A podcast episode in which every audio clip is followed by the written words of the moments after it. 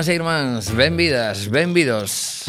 A alegría en Cuac FM 103.4 do dial Xa nos gustaría. E temos connosco a Beula Lume, que tal? Moi ben, sí, a verdade, estaba escuitando a, a cuña esta que sonaba antes Que por certo me encanta Mola Que tema de eh. Darth Vader, sí, de sí. como non apuntes a espada láser o 103.4 eh, A verdade que mm, pensamos en quitar todas esas cuñas que falaban do dial e todo iso, porque dices agora que xa non estamos no dial, pois parece que non ten moito moito sentido, pero que sí que o ten, sí que o ten. Eu creo porque... que máis que nunca incluso. Sí, sí, sí, así que van van quedar aí ata que voltemos. Ben, pois hoxe trai unha mini reflexión pregunta. Ve aula lume, ti que sabes do liceo de hockey? pois que é un equipo moi importante xa non só a nivel galego, senón a nivel eh, eh, de, de toda España. E que sabes na, eh, eh na creo actualidade? Creo que incluso de Portugal. Que sabes na, actualidade? Na actualidade nada. A verdade, bueno. hai tempo que non escoito dele. Pois pues, está de líder. A ver, que van líderes, claro, van primeiros. Hoxe partido importantísimo ás 9 da noite no pabellón de Deportes de Riazor contra o Noia, equipo histórico tamén. Uh -huh. Eh, precisamente traio esta pregunta, esta reflexión para saber ata sí. que punto o fútbol se come todo con patacas todo, pese a que todo. o Deportivo está en, en zona de descenso sí. e temos un equipo líder que moita xente enchíamos o pabellón dos deportes eh, alá polos 80 e pico sí. e eh, dende entón a cousa foi en declive o Depor pois tivo aquelas, aqueles anos de gloria Home, en declive, en declive a afección Ah, bueno. Asistencia O equipo non, eh. No, no, no, no, o equipo ima... é unha teñen un mérito. Segue gañando. Teñen un mérito increíble. Por eso digo que precisamente con con moitísima menos xente asistindo. O equipo eh, máis laureado de Galicia.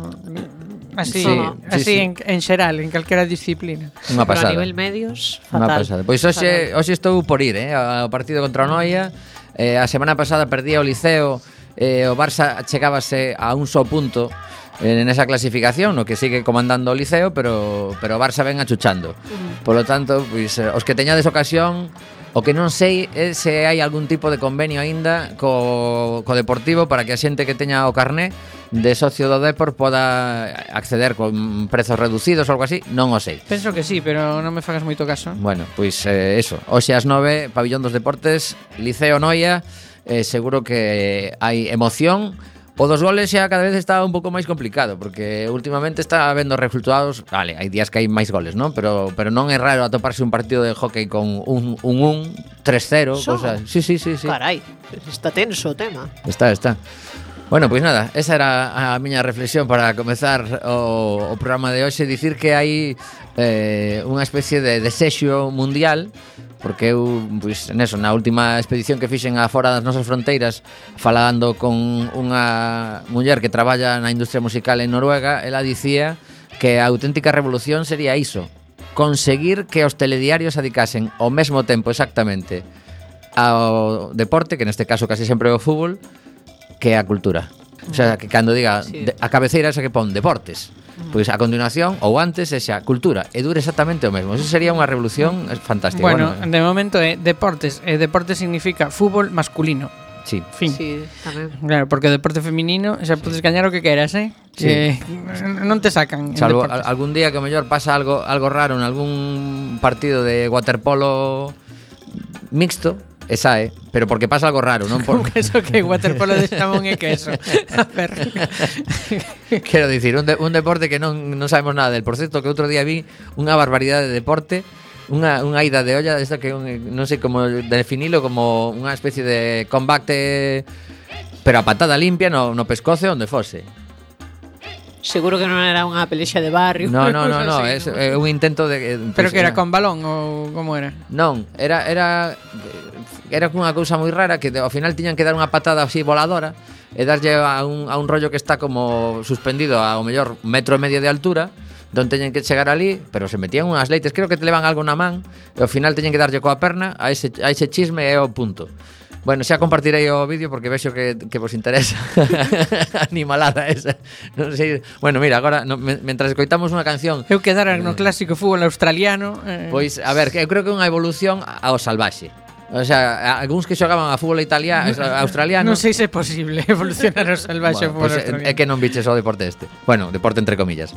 Escoitamos, eh, xa sabemos que onte falecía unha, unha muller que, que tivo pois eh, moita repercusión no mundo da música por algunhas cancións dos Cranberries, Dolores o, ro, o, o, o, Riordan. o Riordan que eh, o que máis nos pode chamar a atención aos da xeración que estamos hoxe aquí. Tomás que era máis nova que nós. Non, non, tiña 46. Ah, 46. Sí. Eh. Uns meses, non? Somos uns meses nosa Por, por, é algo que a dicir que precisamente un pouco en capilla. Asusta que dentro dos meses pois pues, eh, algún da nosa xeración vai ter un susto.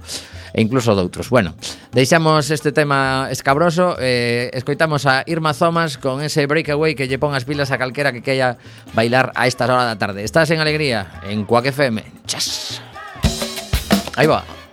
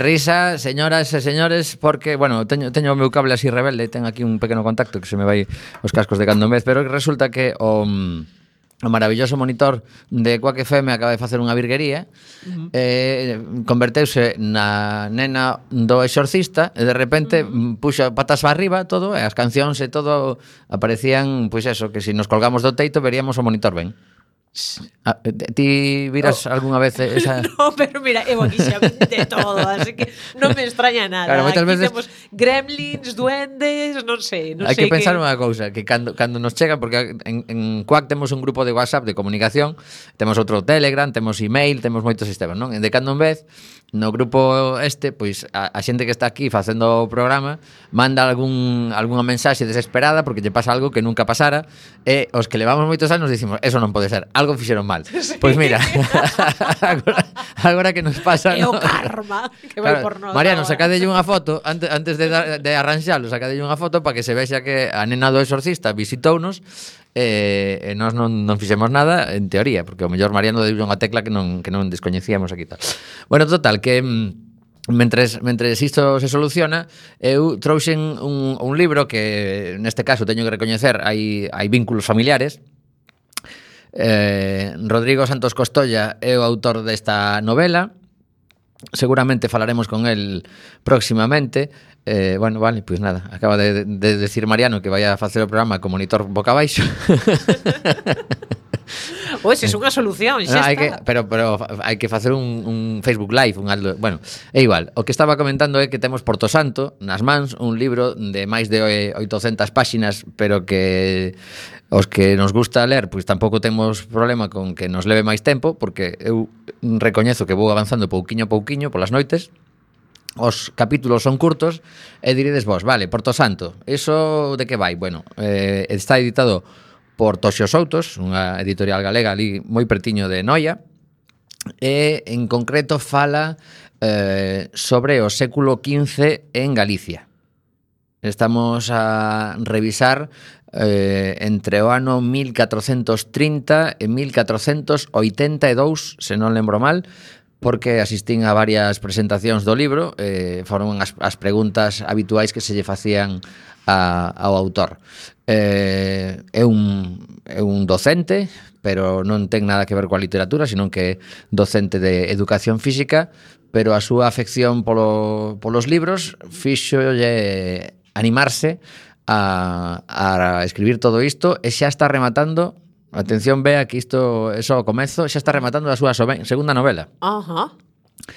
E, e trouxen unha das, das páxinas nas que o, imos de chamar así, o mestre do protagonista eh, fai unha reflexión que me pareceu interesante compartir porque o autor recoñece que de alguna forma este mestre pois pode ser un pouco a súa cabeza trasladada ao século XV mm. aínda que, como veredes agora, sigue bastante de actualidade o que reflexiona aquí.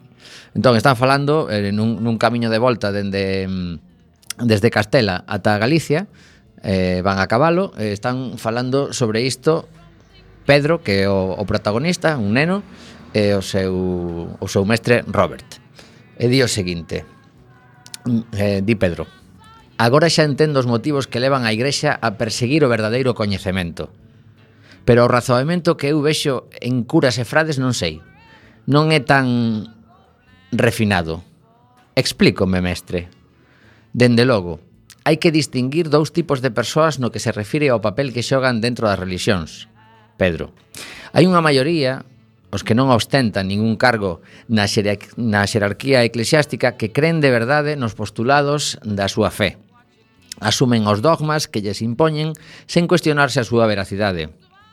Son, por así dicilo, os monicreques que representan ante o público a función teatral que lle dá poder á auténtica organización.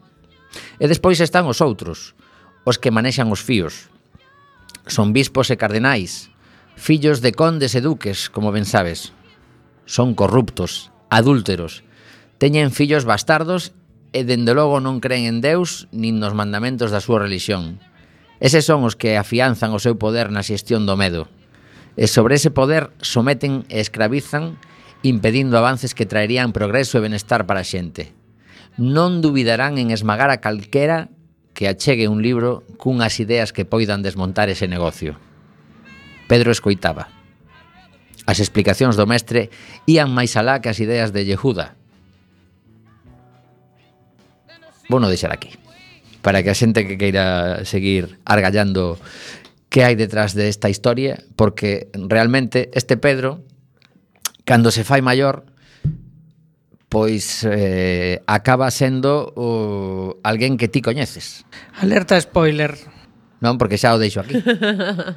Ata aquí podo ler. Non hai tantos Pedros por aí. Sí, sí, sí, hai máis Pedros dos que ti pensas. Eh, tss, home, non vai haber Pedros. O que pasa que hai que rascar un pouquiño eh, e moita xente descoñece totalmente. Eu teño unha familiar que rematou o libro, eh, non se cree nada de lo que, do que leu, non sabe non Esper, sabía nada desa de historia. Se despertaba cedo pola mañá, xa me medio destripaches o libro. Eu non digo nada, eh. Eso estás aí tú investigando cousas que a mellor hai xente máis lida que acaba antes de, de chegar á conclusión. Bueno, total, que este este o libro Porto Santo, que ten páxina de Facebook tamén, e van soltando de en cando pildoriñas sobre acontecementos históricos do, do século XV. Falase moito de Soutomayor, desas historias dos dos nobles galegos que tiñan que axudar ao rei para conseguir determinados eh, privilexios.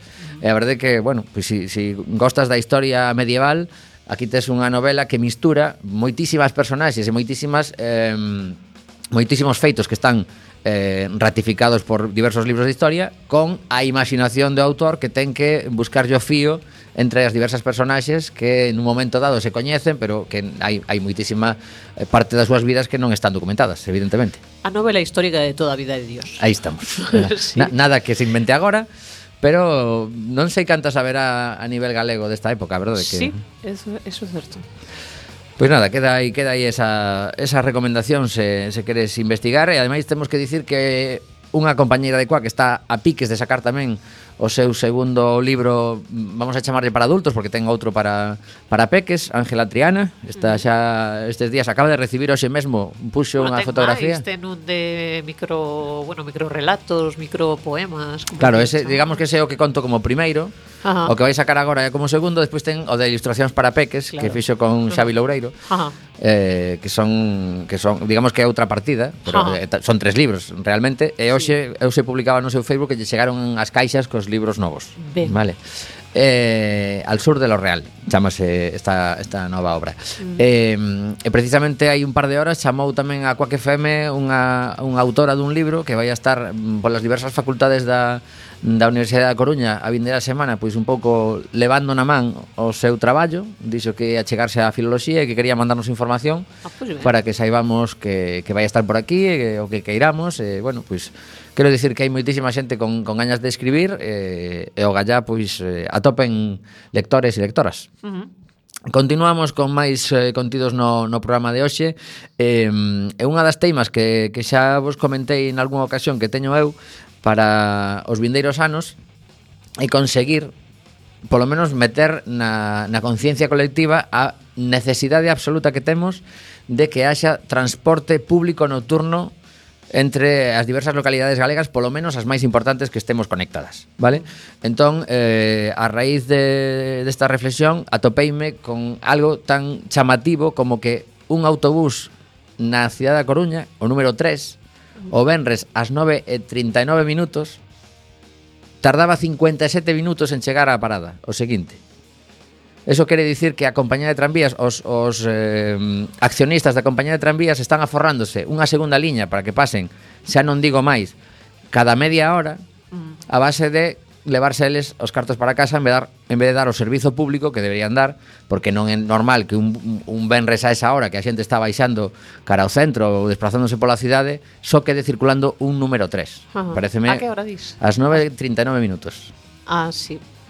Sí, a esa, a esa hora empezan a recollerse. Xa, pero resulta que estamos a venres e que a no, xente, sí, sí, a xente sí, sí. comeza a baixar. Eu non digo que estea ben, no, no, non digo que estea ben. Sí, sí, sí. E incluso moitas veces ves na, nas mesmas paradas do bus que che, che din, o bus circula ata esa hora e, e as frecuencias de repente aumentan moitísimo. Uh -huh. Co que ves que, que xa hai buses que se están retirando, pero ti dis, a ver, se aquí dis que servizo ata tal hora, pois non sei, debería haber un servizo regular ata esa hora, non? E que é o que diste, e que non son as 12 da noite, no, no, no. e que son son as 10. É que de feito un, un problema bastante recurrente, pois unha simple obra de teatro ás veces, moita xente sí. xa perde o bus, o sea, sí. por ir ao Rosalía ou ao Colón, sí, non consigue un bus de volta á súa casa. Iso non certo. pode ser. Nunha cidade que, que, que quere defender a cultura ten que ten que estar á disposición da xente dos barrios que podan volver a casa sin ter que coller un, un taxi uh -huh. ou o seu vehículo co, co a contaminación, ademais do, do custe que pode ter aparcar nun, nun aparcadoiro uh -huh. privado ou que sexa. Pero o que estábamos a comentar era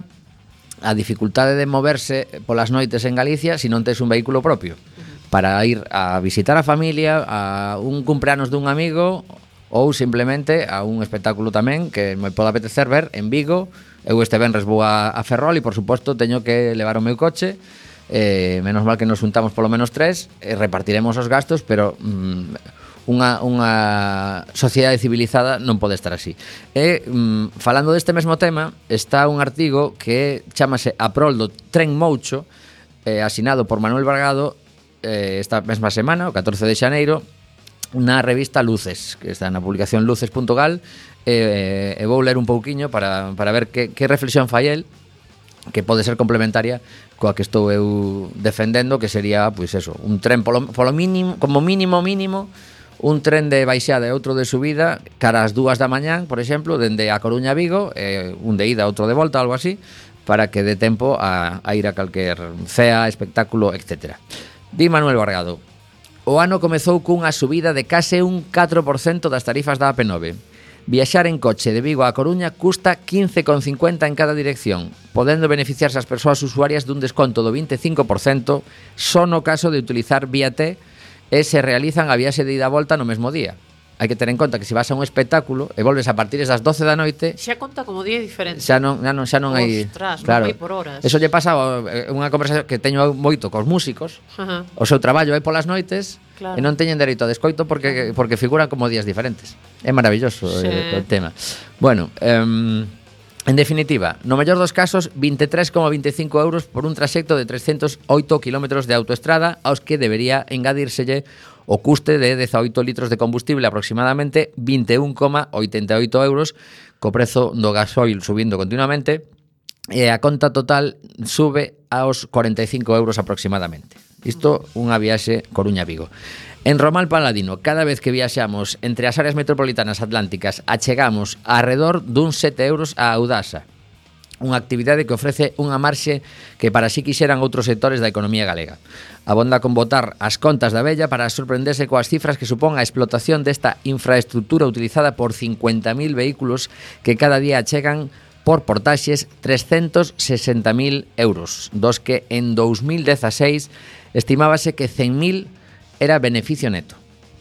Mola ter unha empresa que cada vez está reducindo máis o persoal, porque vemos que eso que puxeron ali de peaxe fácil ou algo así, que xa pagas ti coa tarxeta, queda, sí. queda normalmente un sí. ou dous como moito en, en, en peaxes grandes, uh -huh. o resto xa, xa non están, e eso, clink, clink, clink, clink, 100.000 euros ao día.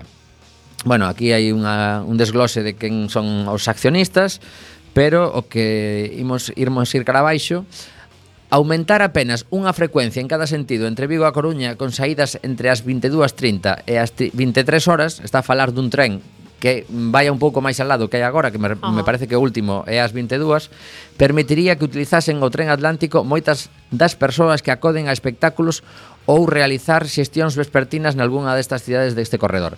Discrepo con el, porque a min de nada me vale que me leve o tren se si despois non teño como volver.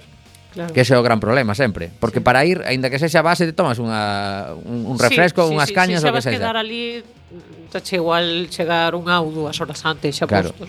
Pero mm, realmente o problema é eso, cando remata un espectáculo, pois pues, ás 12 e pico da noite, sí. que é unha hora moi frecuente, poder regresar a túa casa e ter un, ter un certo máxe, tampouco tes que imagínate que está un pouco lonxe o, sí. o espectáculo do tren sí. e tes que sair correndo a fume de carozo e non podes esperar a que te asinen o, o disco o artista, por exemplo.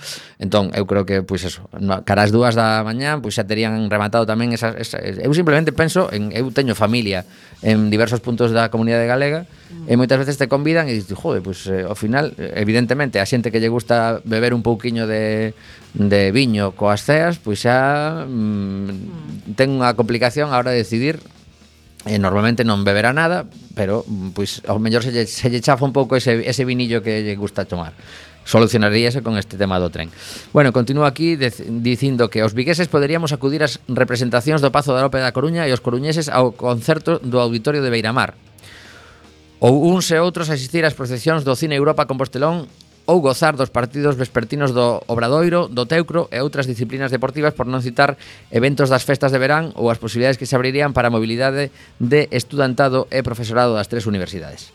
Bueno, non vou continuar con, con esto, tamén fala aquí, en horario nocturno facilitaría as conexións aeroportuarias internacionais, mm. que tamén moitas veces tes un problema se si tes un, un avión que chega bastante tarde porque rematan as frecuencias eh, eu imagínate que, te, que teño un, un avión que me chega a Compostela ás 11 da noite mm. e non hai máis trens. Mm. nese caso a única solución é ou dormir esa noite en Compostela ou liar a alguén que che vai a buscar. Eso pasa a nivel europeo tamén, eh? sobre todo eso en aeroportos pequeniños pero de grandes cidades, estou falando de cidades eso como Roma ou cousas así, hai lugares que o, que o mellor chegas e eh, gracias que a compañía aérea pon, pon un shuttle ou algo así porque porque moitas veces o, o público uh -huh. xa non está. Sí, é certo, é certo, eso creo que todos vivimos esa situación de eh, e agora que fago, non? Pois pues, sí. Eh, acabas pagando un taxi porque sí, moitas sí, máis sí. opcións. E que ademais hai algúns que é absolutamente ridículo, porque igual é dicir eh, o, o servizo regular remata ás 10 e eh, o avión chega ás 10 e cuarto, que dis non podían ampliar un pouquiño máis, media horiña máis, unha cousa así, sí, sí, e xa eh, levaban máis xente, que é unha pasta que, di, que dixas de gañar tamén. Te sei. preguntas, somos os cidadáns os únicos que temos sentido común para mirar que chega xente a unha hora e que ten que haber algunha forma de levala a de cidade. debería. O sea, hai unha cousa que se chama normalmente o equivalente a xerente de turismo. Neste, uh -huh. En Coruña temos a xerente do Consorcio de Turismo que tería que estar super atento a ese, ou atenta a ese tipo de cousas. Eu o problema supoño que será precisamente que sacan as súas contas e din, va, non nos compensa, así que que se collan un taxi. Entón, pois pues non sei, sei, pero bueno, eh, o, o de pensar no, no que venda de fora e poñerlle as cousas fáciles. Ai, pero... Ah, é o traballo desta xente, que pensas? Eh, que na cobra. xente unos cartos. ti, ti Nos xa... pensamos na xente que para eso no, no, claro, que eu, eu estou pensando que esta, esta, esta persoa os cartos que cobra de erario público son para que pensen na xente que nos visita. Debería, Xerente sí. do Consorcio de Turismo. Debería. Despois debería haber outros que pensen na cidade, o que estábamos comentando antes, que non pode ser que os buses non rematen eh, o sea, non pode ser que os buses rematen mm. tan cedo cando realmente hai moitísimos espectáculos que, que bueno, tamén é certo que despois chega un momento que comeza o búho. Mm pero pero bueno, redúcese moito a frecuencia e xa tes que estar eh, e agardando. gracias, que eh. agora temos o búho sí, sí, outra sí. vez, porque o búho era un pouco como Guadiana tamén, aparecía e desaparecía así por temporadas. Pois sí.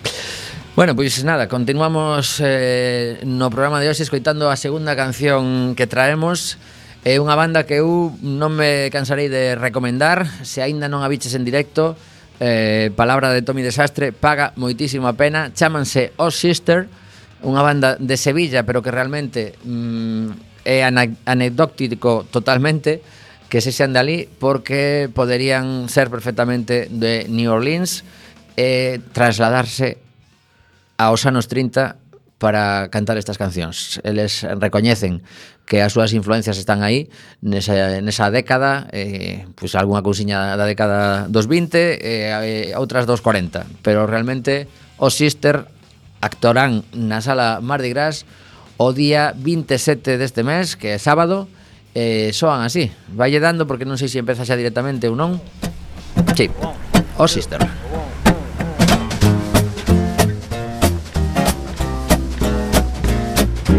and man passes by, and I just wonder why he never stops to ring.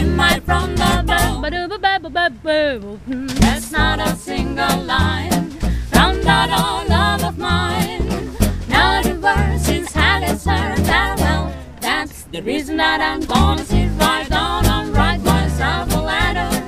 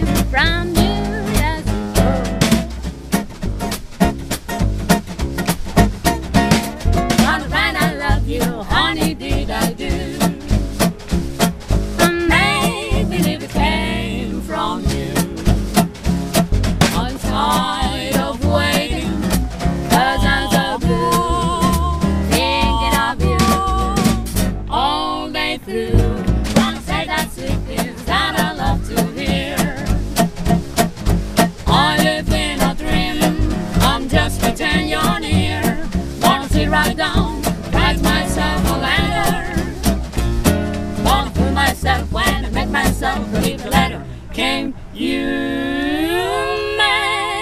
believe it came from you.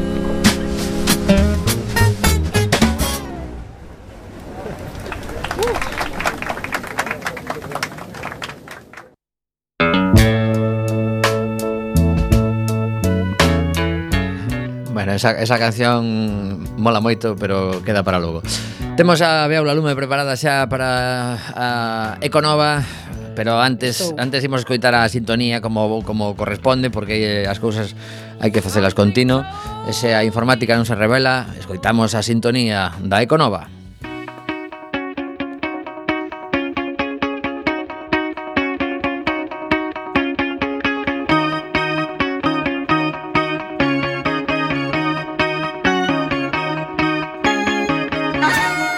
que o mellor que ten a sintonía da Econova é a entradiña. Continúas escoitando Cuac FM 103.4 no teu dial? Non, pero chegará, todo chegará. Estamos en alegría. Son as 6:33 minutos da tarde do día 16 de xaneiro de 2018. E xa sabes que senón estamos neste día, nesta hora e que nos escoitas en redifusión. Chegamos ao apartado da Econova e mira, precisamente eh, a, a raíz do que falabas antes da autopista, do que che cobran, eh, polos servicios que che dan e todo iso. Resulta que pre precisamente nos contan que eh, se abriu o pasado mes a primeira autopista solar da China inaugurou unha sección dun quilómetro para realizar probas. Resulta que eh, a estructura da vía, que bueno, está eh, na cidade de Jinan, eh, consta de paneis solares cubertos con material transparente que soporta o peso dos vehículos, pero que permite o paso da luz. Eh, son nin máis nin menos que 6.000 metros cadrados de paneis. Poden xerar un millón de kilovatios hora de enerxía ao ano. E nos contan que esta enerxía se utilizará para acender luces, sinais, cámaras de seguridade e demais. E o que, o que sobre, pois, irá á rede estatal.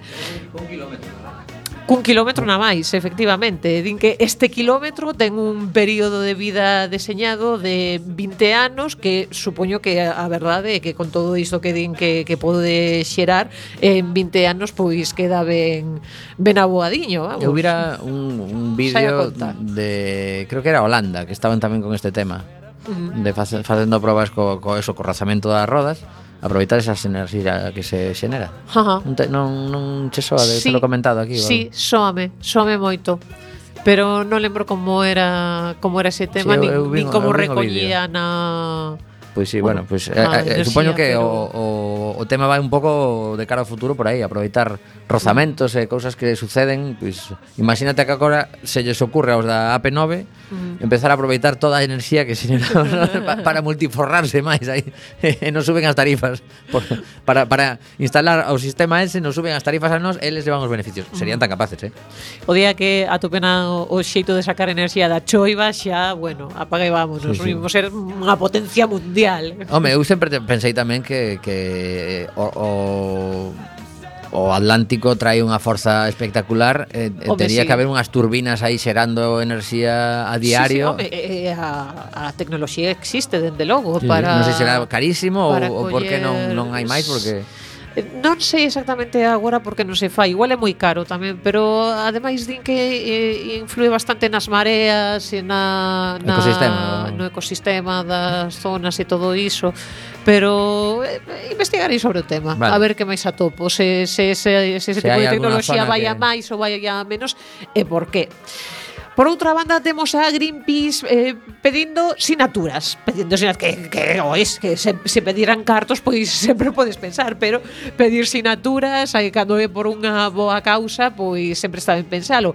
Eh, din que queren eh, que se cree a maior área protexida do planeta, e nos falan do Oceano Antártico. Xa sabemos que fogar de 14.000 especies, moitas delas únicas, eh, como pingüins, focas, baleas, pero o cambio climático e a industria pesqueira pois ameazan a biodiversidade dun lugar tan con tan fráxil, cunha biodiversidade tan fráxil. Temos unha oportunidade histórica, nos din, para protexela creando a maior área protexida do planeta, un santuario no Océano Antártico dunha superficie maior de tres veces o tamaño de España. Caramba. Entón, por que nos piden asinaturas agora? Pois porque este 2018 a Comisión do Océano Antártico, da que España forma parte, reúnese para debatir a posibilidade de protexer as augas e a vida que albergan, pero Temos o lobby da industria pesqueira e países que bloquean os intentos de protección como Estados Unidos ou Rusia. Eh, entón non vai ser fácil chegar a un acordo contra os intereses. O que falábamos antes, que pensamos na economía ou pensamos eh, nas persoas, no planeta, no, bueno, entón eh, temos que estar todos aí para amosar que, que o que queremos é eh, que, que gañe a vida, que non gañe nos cartos, que gañe a vida. Din, fai 30 anos logramos xunto a un movimento de millóns de persoas que se protexese a terra firme da Antártida e agora é momento de garantizar que tamén os seus mares estén protegidos. Así que se estás de acordo con isto, non tes máis que entrar eh, en greenpeace.org e xa na mesma portada xa en xigante, tes aí a, o, o link para poder asinar. Eh, non sei como imos de tempo. Sigo, ben, ben, hoxe estamos, sí, sí, hoxe estamos. hoxe estamos que o tiramos. A ver, teño un montón de cousas, eh, pero bueno, eu creo que paga pena. Si tes algo máis, Comentámoslo. Sí, sí, podemos contar algo máis. Estados Unidos, despois de tanta historia co tema dos acordos de París, que se saíron, porque é malísimo para nós e non sei que, pois agora din que podería regresar se non se dana a súa economía. A coña do tema é que realmente ainda non chegaron a sair porque eles eh, dixeron que saían, pero logo hai un prazo para sair. Uh -huh. Como ese, Brexit, o Brexit estamos prazo, agora no, no período ata Sí, que exactamente, unha cousa así, co que co que agora mesmo eh, Estados Unidos sairía oficialmente do Acordo de París pouco, creo que un, uns poucos ou unhas sem, poucas semanas ou días despois eh, de cando se volten facer eleccións en Estados Unidos, mm -hmm. curiosamente. Vale, vale, vale. En fin, en todo caso, dins que eh, agora Trump, despois de tanta historia de o acordo de París é eh, horroroso, é eh, todo cambio climático non existe tal, de repente di, e isto vai con comillas, francamente é un acordo co que non teño problema. Empezamos así. E agora xa ven o oxímoron. Pero teño un problema co acordo que asinaron a ver, se tes un problema co acordo que asinaron, tes un problema co acordo, eso para empezar. Pero claro, xa é para tirarlle a chinita a, a ver, Barack Obama. Está nunha capa intelectual superior que non lle pillamos. Claro, sí, el, el sabe, ser iso. El sabe o que quere dicir. Sí, no, o, o superior do, do que se vota aí no tupé, porque outra cousa, ni como de costume fixeron un mal acordo, así que podemos posiblemente voltar. Pero direi isto, preocúpame moito o medio ambiente, a min preocúpame moito o medio ambiente, queremos auga, aire limpo, equipos, pero tamén negocios que poidan competir. E o Acordo de París podería ternos quitado competitividade e non íamos deixar que iso pasara. Eu non ia deixar que pasara.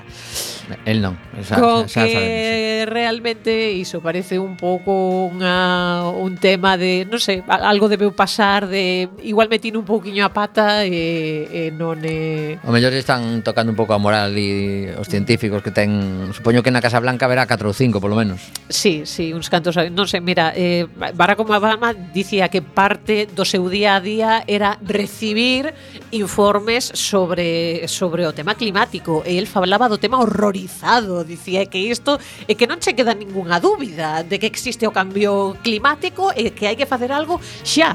Entón, pois igual este o principio dicía baba tonterías, pero a base de que te cheguen todos os días, e que pasa, non sei que, que pasa, non sei canto, e que hai 3000 anos que non pasa isto e non debería pasar. Home, pois, pues, sendo quen é igual este home Barack Obama, Eh, sendo tan consciente de todo isto, o mellor debería ser o primeiro que eh, capitalizase unha forza de protesta en Estados Unidos, uh -huh.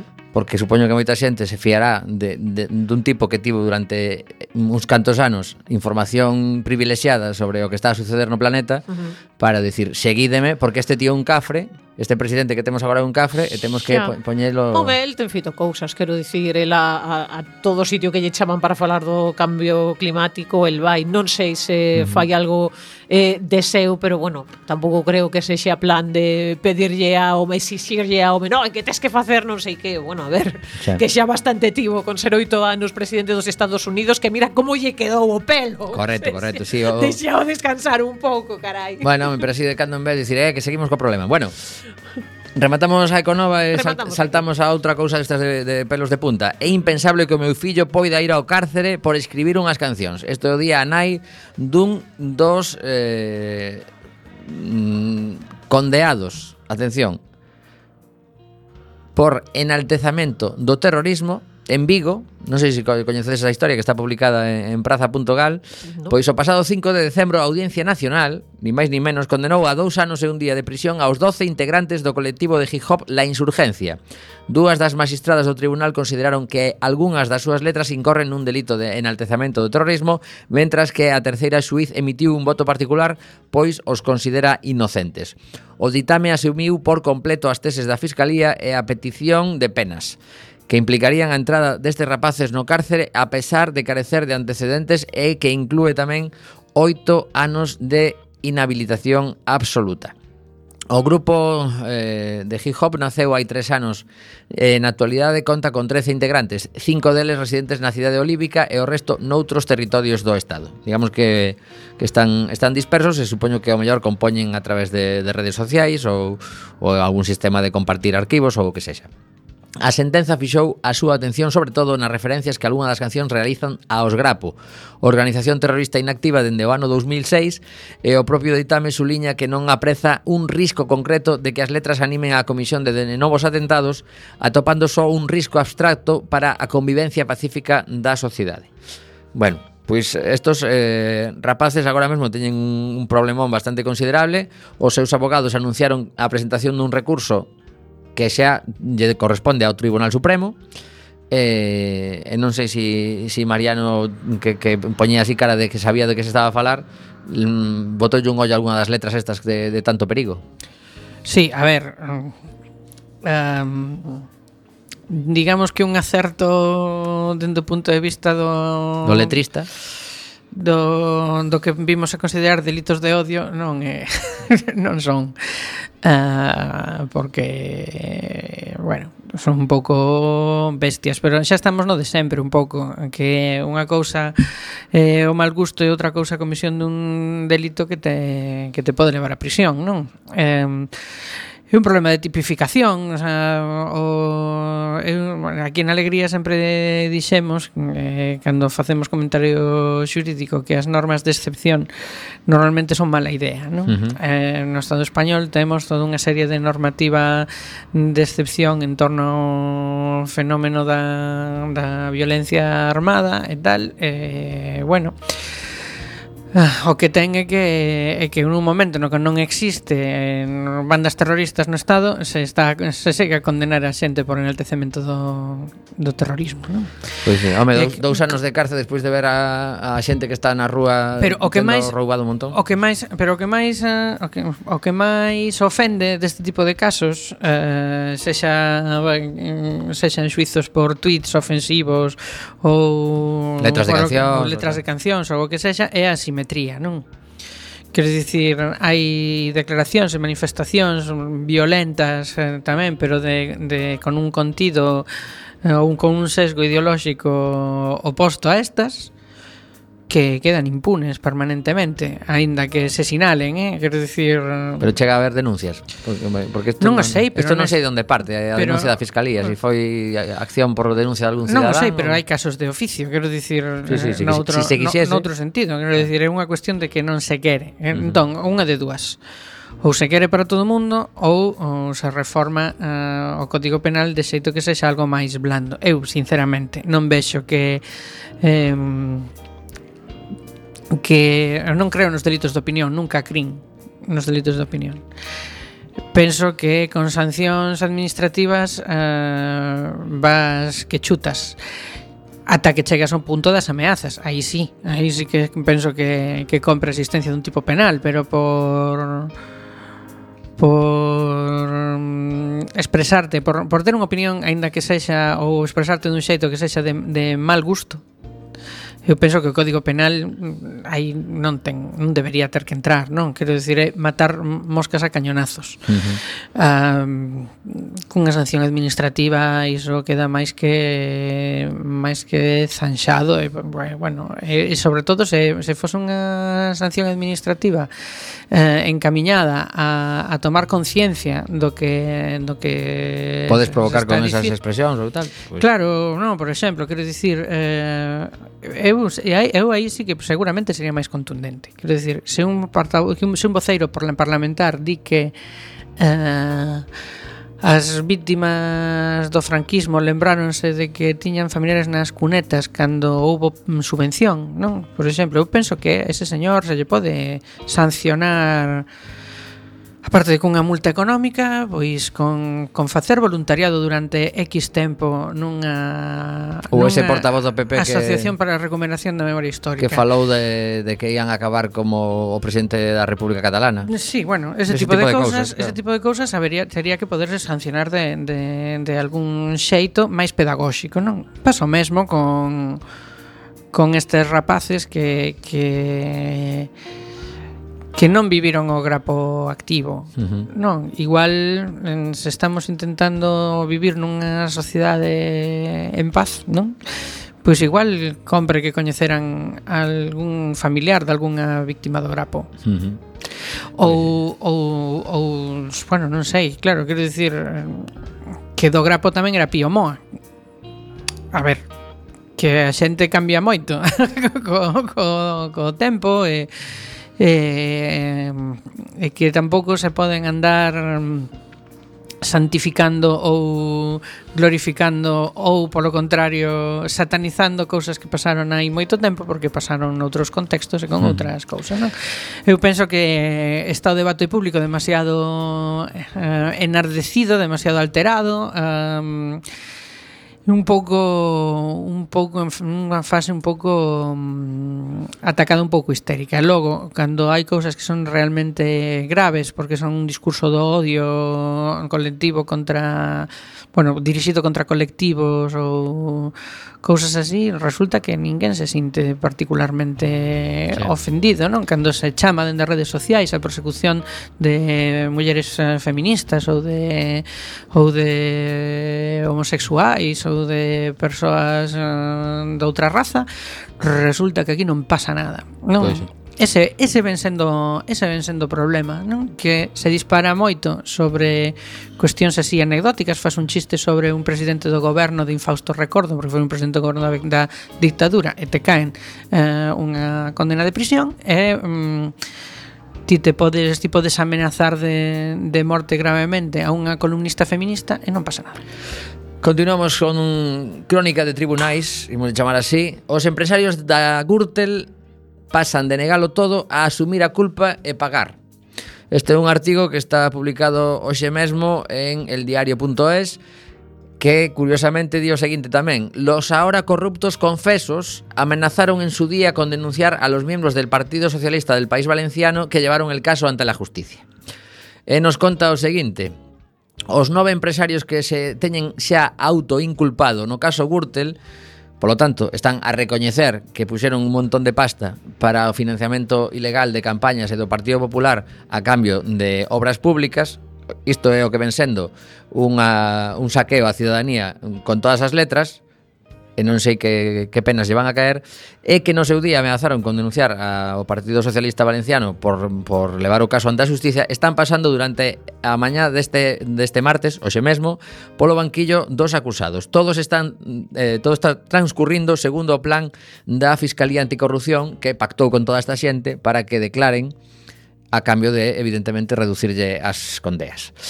Os patronos que xa teñen declarado Enrique Ortiz, Gabriel Batalla, José Francisco Bebiá, Vicente Cotino e Enrique Jimeno teñen recoñecidos feitos e aceptaron as penas de multas. Entre todos sumarán, sumarán ao redor de 2 millóns de euros. Vamos, eu teño que dicir unha cousa. 2 millóns de euros. Entre todos estes é como posiblemente os cartos que poda gañar eu en tres vidas. Porque o que teñen que ter trincado me gustaría a mí saber cantos millóns de euros foron. A Fiscalía ten lido o acordo no que recoñecen que asumiron o custe dos, prazo, dos actos do Partido Popular nas campañas electorais de 2007-2008 a través de pagos ficticios á empresa Orange Market. No escrito explican que, ao non poder financiar legalmente o Partido Popular pola lei que hai eh, que limita os, eh, os gastos que poden ter os partidos en campaña, eh, realizaron eses pagos ilegais a trama de Francisco Correa, que era a que organizaba os mítines e os actos dos populares valencianos. Os cinco acusados, que a media mañá xa tiñan confesado, tamén recoñecen que colaboraron na elaboración de facturas falsas en connivencia cos dirixentes do Partido Popular Valenciano e os responsables da trama Gürtel. Os empresarios están seguindo a estrategia marcada e só teñen contestado a Fiscalía Anticorrupción e a súa defensa. Pola súa banda, a defensa de Pablo Crespo quere deixar constancia de que o seu cliente non coñecía a estes empresarios. Tras esta declaración, os nove empresarios acusados teñen abandonado o xuizo a carreira e xa non regresarán ata o último día do mesmo. Todo apunta que pola tarde tocaráse, agora mesmo estará falando Francisco Correa e o resto de acusados responsables da trama. Bueno, pois eh, se o Partido Popular mm, sigue afirmando día tras día que no seu partido pois non, non había mm, ningún tipo de financiación ilegal, que, que eles de cartos en B non saben nada, ao mellor pois eh, teñen que empezar a cambiar o discurso porque isto é só a trama valenciana da Gürtel. Estamos por, pola outra banda co suizo do caso Lezo e falta a trama nacional tamén por rematar todo o proceso. Entre, entre que, outros moitos, eu eh. penso que é un pouco mesmo, eh? Quero dicir Está descontado todo isto xa. Mm, Bueno, bueno, cada, cada vez que lle dan así un, un toque... Por certo, que todos estes recoñeceron que era Ricardo Costa. O famoso Ricardo Costa, o sí. superamigo de, de mm, Francisco Camps, era o que chamaba para manexar todos os cartos e... Claro, eu penso que, que bueno, que eh, eu penso que é algo xa sabido, eh, raquete sabido, eh, e siguen aí feliz. Super descontado, que non se trata de Bueno, que, que, que, que o modus operandi é, é demasiado similar e hai demasiados casos como para eu penso que está na rúa, non? Aínda que aínda que non haxa sentencias judiciais aínda eh, firmes abondo como para como para establecer que, que existía un, un sistema planificado de financiamento, eu penso que a xente eh, na rúa sí que o cree E da igual, quero dicir. Home, a, mí, a mí o que me chama a atención moi seriamente é que entre todos estes o único que lles pase despois de ter cometido un delito tan grave como ser corruptores é que paguen entre todos 2 millóns de euros. Pareceme alucinante. Bueno, pero é que o, o Código Penal, igual que falábamos de que é extraordinariamente duro con determinadas cousas, igual non é tan duro con outras cousas, non? Como os delitos de cuello blanco que se lle chaman. Sí. Non? Bueno, pois eso depende do legislador, claro, cando o legislador de algún xeito é eh, beneficiario eh, claro. desta desta laxitude, pois acontece o que acontece. Que pasa? Coidado co péndulo Claro, porque neste estado noso somos moi de péndulo, non? De mirar para outro lado a castigalo como se, bueno, xa falamos moitas veces, penso, de como se de como se establecen os delitos, que hai que xa que se chama ben xurídico protegido, e que hai unha xerarquía nos ben xurídicos protegidos, que primeiro o primeiro é a vida, logo a integridade física, logo tal, o sea, e os cartos aí son, digamos, menos importantes, o que pasa é que, claro, cando afectan a un tema sistémico como é a limpeza do sistema democrático do Estado, cuidado, non? aí hai que igual hai que estar un poquinho máis pendentes. Pois sí, temos que rematar o programa de Axe, pero hai que dicir que mm, José Luis Méndez, eh, outro dos máximos responsables das caixas galegas, eh, xa dixeron que non ían aparecer o día 9 de febreiro por eh, o Congreso dos Deputados, que está eh, cunha comisión de investigación sobre que sucedeu coas caixas, porque están moi malitos. Que non poden, non poden porque a saúde non llo permite, xa, xa mandaron un recado de que non conten con eles. Mm. Bueno, pois nada, remata o alegría Vémonos na gala dos Oscuacs Se queres achegarte a, a compartir unhas risas Coa xente de Quack FM Este vindeiro sábado día 20 Na rúa Costa Rica No centro Don Bosco de Villar Pasaremos unha noite de festa e de entrega de premios a gala dos Oscuas. Deixamos vos con Recendo. Ata vindeira semana. Chao.